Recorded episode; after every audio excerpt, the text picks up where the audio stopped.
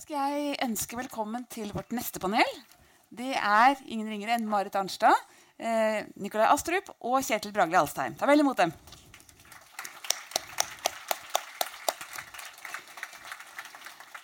Og så har jeg glemt å si at dere må, Hvis dere vil tvitre underveis, så har dere sikkert sett det på den der, at dere er jo veldig oppvakt publikum, men det er hashtag COP21nord.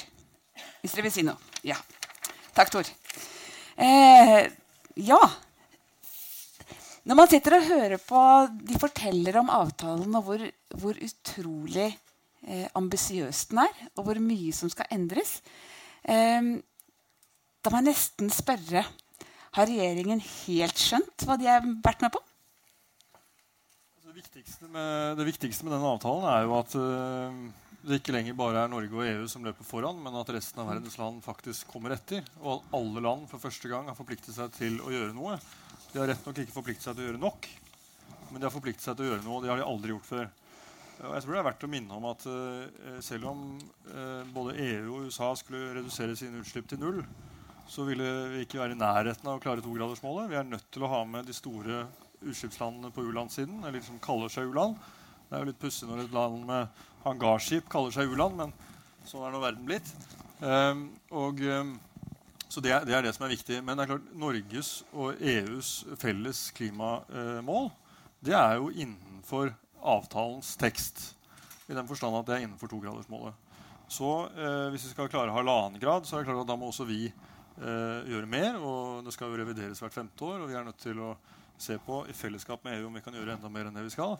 Men det er ikke Norge og EU som har vært problemet her. Problemet har vært at de andre landene ikke har gjort eh, nok. Så vi har et ganske ambisiøst opplegg. Det kommer til å bli krevende nok å redusere med 40 eh, opp mot 40% i ikke-kvotepliktig sektor i Norge, slik vi har ambisjoner om. På europeisk nivå så er det klart der, skal vi kutte 43% i kvotepliktig sektor. Eh, og eh, det, det, gjør det noe enklere å gjøre det som en del av en europeisk dugnad. Men de tingene vi skal gjøre i Norge, kommer til å bli vanskelig. Og kommer til å kreve endringer. Men det er vi forberedt på og er i gang med bl.a. å fase inn null- og lavutslippsteknologi i transportsektoren. Mm. Så må jeg spørre deg, Marit Arnstad, Du har jo vært olje- og energiminister. Um, hvordan ser framtida ut for norsk olje- og gassektor nå? Jeg skal si litt om det, men bare få lov å henge meg litt på det som, som var sagt før. At jeg, men før vi begynner å på en måte nå drukne i hvor vondt og vanskelig mm. det skal bli, så, så, tror jeg at en skal holde litt fast med det som Paris klarte, i motsetning til København. Og det var jo å skape en følelse av at uh, det dette kan vi klare. Dette vil vi gjøre noe med. Eh, og jeg tror det Brun sier her om at i stedet for at du hadde et opplegg som kom ovenfra og mm. ned, så bidro det til at hvert land på en måte fikk lov å vise fram sine frivillige bidrag. da. Eh, og dermed skapte en annen stemning. Vi skal ta det litt med oss òg i det videre mm. uh, arbeidet. Og så tror jeg det kommer til å ha konsekvenser for nær sagt alle sektorer i Norge. også olje- og gassektoren. Eh, men jeg tror vel, jeg er litt enig med det som Kjetil, kanskje, det som Kjetil skrev i går i, i Dagens Næringsliv, at dette vil nok bety en langsom utfasing av fossilt. Eh, I den forstand at eh, jeg tror ikke Lofoten og Vesterålen noen gang blir bygd ut. Det tror jeg på en måte, Den, den, blir, den ballen tror jeg legges død. Jeg tror 23. konsesjonsrunde kommer til å gå sin gang. Men jeg er veldig usikker på, både av de funnene du måtte finne der, da, hva av det som kommer til å bli bygd ut. Eh, både ut fra klimamessige eh, sider, men også ut fra kostnadsmessige sider. Og også ut fra eh, rett og slett geografiske eh, situasjoner. Så det er jeg litt usikker på. Eh, hvor mye av 23 som blir bygd ut. Men 23 kommer til å gå sin gang. det tror jeg. Mm. Når det gjelder de modne feltene, så er jeg ganske sikker på at Johan Sverdrup kommer til å gå sin gang. Men det er nok en del av det jobben du gjør på modne felt, som kanskje blir tøffere, og som de ikke vil ønske å gjennomføre på samme måte som Du har nemlig hatt en veldig sånn drive for å, for å få haleproduksjon. Den, eh, den tror jeg blir, det, Der tror jeg du får mindre ut av de modne feltene enn det du har fått tidligere. Både kanskje økonomisk, men også miljømessig. Mm. Kjetil, du har fulgt klimaforhandlingene. Du var med på COP5, var du ikke det? Ja, det tror jeg. Altså, du, har, du, har, du, har, vært med hele veien. Nei, bare på 14 av dem, tror jeg. Eh, så Du må nesten før du får lov å dykke inn i liksom den norske, norske, debatten, si litt også om det du har fulgt, fulgt litt og observert og skrevet om det så lenge. Hva er din refleksjon rundt Paris? Ja, nei, det var, eh, det var jo en helt annen stemning enn det har vært på veldig mange andre møter. Eh, De, de møtene har ofte, en tendens, har ofte hatt en tendens til å ende i eh, veldig mye prosedyrekrangling og tidvis veldig sterke beskyldninger. Så sent som i, i, på et forberedende møte i, i Bonn i oktober så begynte Sør-Afrikas representant, som var talsmann for u-landsgruppen, og snakke om apartheid. Eh, apartheid eh, eh, og dra, dra det ordet inn i debatten. Og det, det gir et dårlig utgangspunkt for enighet. Men, men det så vi ikke i Paris. Og grunnen til det er at verden var et helt annet sted nå enn i 2009. Eh, eh, landene var klare for å inngå en avtale. Og den, store endringen har skjedd i Kina. Men jeg har veldig lyst til å eh, eh, altså Jeg hørte jo Nikolai på Dagsnytt 18 i går også. eh, og Både Nikolai og jeg var i Paris, men da, begynte, da slo det meg at kanskje Nikolai dro hjem litt for tidlig. Eh, fordi eh, han og også- statssekretæren fra eh, Olje- og energidepartementet snakket fortsatt om togradersmålet. Og vi har, Norge og EU har en politikk som er i, i, i tråd med det. Og nå, skal, nå er det resten av verden som skal komme etter. Eh, og man, eh, sånn kunne man snakke før Paris, men det er ikke det samme togradersmålet lenger. Eh, det står ikke lenger under to grader. Det står godt under to grader. Eh, og eh, dette 1,5-gradersformuleringen er også helt annerledes enn den har vært. Man har vist det 1,5 grader tidligere også. Eh, det kom inn i beslutningen i Cancún. Eh, men da var det at man skulle vurdere eh, å, eh, sette et 1,5-gradersmål. Nå, nå står det at man skal strebe mot å holde temperaturstigningen under 1,5 grad. Det er, eh, det er en helt annen oppgave. Eh, og norsk politikk og EUs politikk er ikke i tråd med det nye togradersmålet, med godt under to grader, og det er langt unna eh, et, en, å strebe etter 1,5 grad. Sånn at eh, eh, Men jeg, ja, jeg tror det, det vil ta litt tid før det siger inn, men, eh, men det er et annet eh, utgangspunkt. Det kommer til å kreve at også eh, EU og Norge skjerper sin, eh, sine, sin klimapolitikk eh, i, når man skal ha denne første runden i 2020. I hvert fall hvis man skal følge opp den avtalen. Og det antar jeg at, uh, at Nikolai Astrup og Marit er enig i at vi skal. Nikolai? Ja, eh, jeg er enig i at det målet som ble vedtatt, er eh, veldig ambisiøst. eh, Men det er klart EUs og Norges klimamål er innenfor Altså det er under to grader i utgangspunktet. Og så er det klart Skal vi på en måte ha halvannen, så må vi skjerpe inn tiltakene våre. Men vi har et mye bedre utgangspunkt enn nær sagt noe annen, annet land eller region i verden i det at vi allerede har på plass eh, mål og ganske mange virkemidler og tiltak og rammeverk som bringer oss i utgangspunktet under to grader. Det har ikke resten av verden. Eh, og, så de er nødt til å gjøre mye mer med sine både mål og tiltak enn det vi i utgangspunktet må. Så vi starter eh, et, vi har et bedre utgangspunkt. Og så skal vi skjerpe disse målene hvert femte år. Eh, også vi, og det må vi gjøre i samarbeid med EU, fordi vi er en del av den europeiske klimapolitikken. Vi ønsker å være en del av den europeiske klimapolitikken. Um, og det kommer vi også til å gjøre. Men utgangspunktet vårt er uh, ganske godt sammenhengt med veldig mange andre. Det er mitt poeng. Altså, og så skal vi selvsagt gjøre en nasjonal oppfølging òg. Vi er en del av et rammeverk innenfor eh, Europa. Men vi skal ha også en sterk nasjonal oppfølging. Eh, og jeg tror det kommer til å bety store endringer både på energisida, på transportsida og også i forhold til andre sektorer. Er litt opptatt av at noe av det viktige framover der blir å skape legitimitet til de endringene du skal gjennomføre.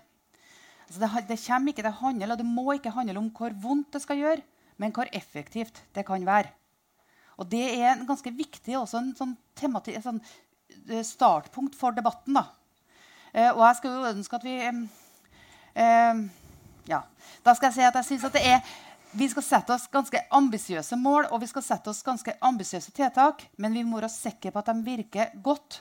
Og så må vi passe oss for at vi på en måte eh, undervurderer folks mulighet til å oppfatte hva som fungerer, og hva som er rene symbol. Eh, så skal jeg være forsiktig med å si hva jeg syns er symbol, men la oss, la oss, eh, la oss, la oss, si én ting. La oss si transport. Jeg har jo også hatt litt med transport å gjøre. Jeg er veldig for intercityutbygging. Men intercityutbygging er et, et byutviklingsprosjekt. Det er ikke det viktigste miljøprosjektet innenfor transport. innenfor jernbane. Det er det elektrifisering som er.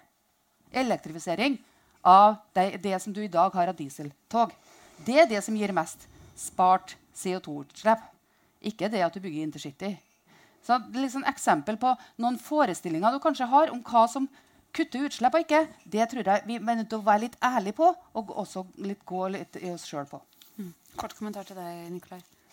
Jeg er enig med Marit i at uh, vi skal prøve å styre unna symboltiltak. og uh, Det er interessant når jeg leser innstillingen fra energi- og miljøkomiteen som vi skal behandle i Stortinget på fredag, så står det annet, ikke fra Marit, det skal sies at uh, problemet med CDM er at det vil bli for billig for Norge å innfri våre klimaforpliktelser.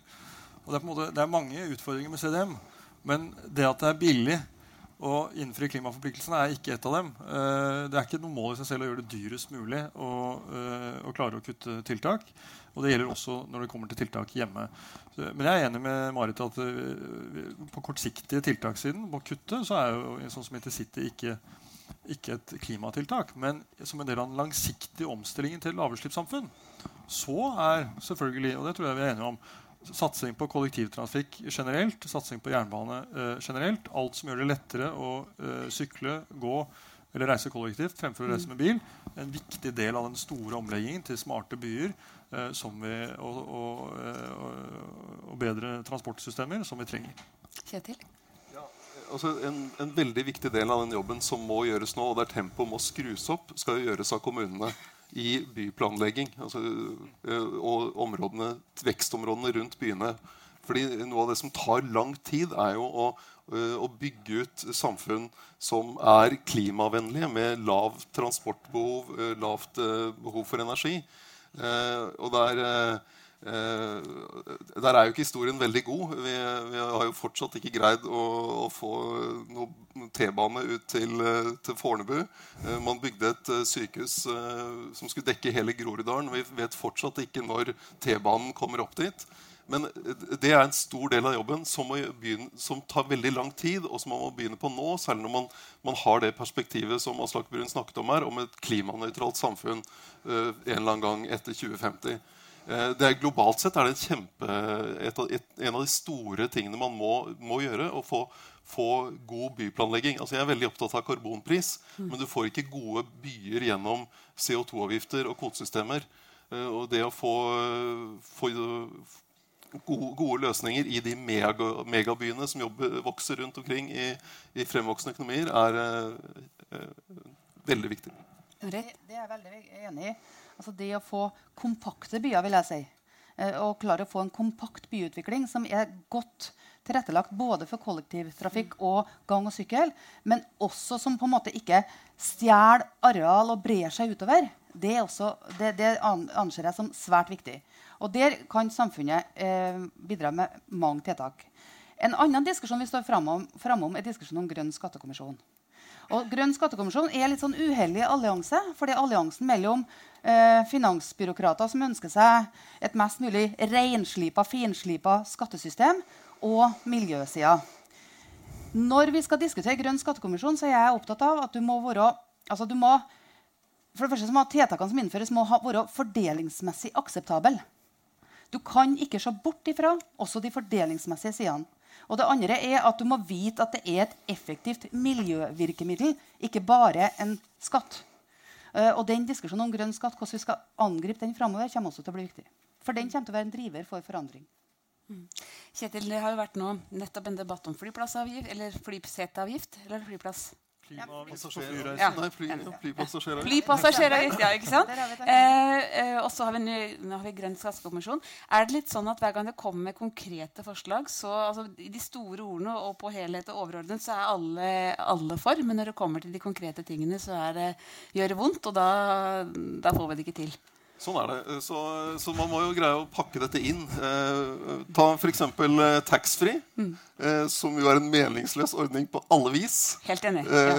men, eh, men, som jo er forferdelig og, og, og vanskelig å fjerne. Fordi altså, Vi kan snakke om klimakvoter, men den eneste kvoten folk har et personlig forhold til, det er jo taxfree-kvoten. Så hvis man skulle gjort det, så må man uh, ta de tallene som Finansdepartementet har. De, de regner jo alltid ut hvor mye vi taper på taxfree-ordningen. Så må vi si ok, vi fjerner taxfree-ordningen, men dette skal dere, vårt kjære folk, få tilbake. Vi kutter alkoholavgiftene. Det blir billigere øl og, i butikken og vin og sprit for polet. Så eh, jeg tror du må kombinere det. Gi, gi folk noe. Hvis du skal, når du skal, og når du skal øke grønne skatter, så må du si vi øker disse grønne skattene, men vi senker skatten din. Marit? Jeg liker ikke ordet pakken. Da. Altså, hva er det for? Altså, folk forstår mye mer enn det vi tror. Vi må ikke tro det at vi sitter her og kan på en måte la pakken for folk sånn at de aksepterer ting. Folk kommer til å forstå både hva som fungerer, og hva som ikke fungerer. Og flyseteavgift, sånn som den nå er utforma, syns jeg er en dårlig idé. Hadde det derimot vært en avgift på drivstoffet, som også selvsagt har vært sånn at det har vært dyrere dess mer drivstoff du er med og bidrar til at det forbrukes, så hadde det gitt en annen mening, og da hadde det også vært verdt å diskutere på en annen måte. Sånn som den nå er utforma, så skjønner jo folk at det bare er for å på en måte reparere et, en budsjettbalanse og også en ren fiskal avgift. Astrup? Jeg husker da vi satte opp avgiften på mineralolje. Da var Senterpartiet meget begeistret. Um, nei, det var jo ikke det. ikke sant? Og det er jo poenget. At, uh, for da, da, rammet det landbruksmaskiner, og det, det, kunne vi ikke ha noe av. Men, og da prøvde vi jo nettopp å gå på drivstoffet. Uh, og vi har gjort det også med Vi hevet jo uh, avgiften på jetfuel med 84% i fjor. Altså på CO2-komponenten. Eh, så det er jo gjort ganske mye der også. Eh, men jeg tror at eh, vi må være villige til å ta i bruk virkemidler som tilsier at forurenser må betale. Men jeg mener det er viktig at vi har en balanse mellom pisk og gulrot som gjør at det blir attraktivt å ta de miljøvennlige valgene. Og eh, Samfunnsøkonomene de har, de har, en tendens til å gjøre det beste til det godes fiende. Altså Hvis ikke det er deres optimale miks, så er det på en måte ikke noe verdt å gjennomføre.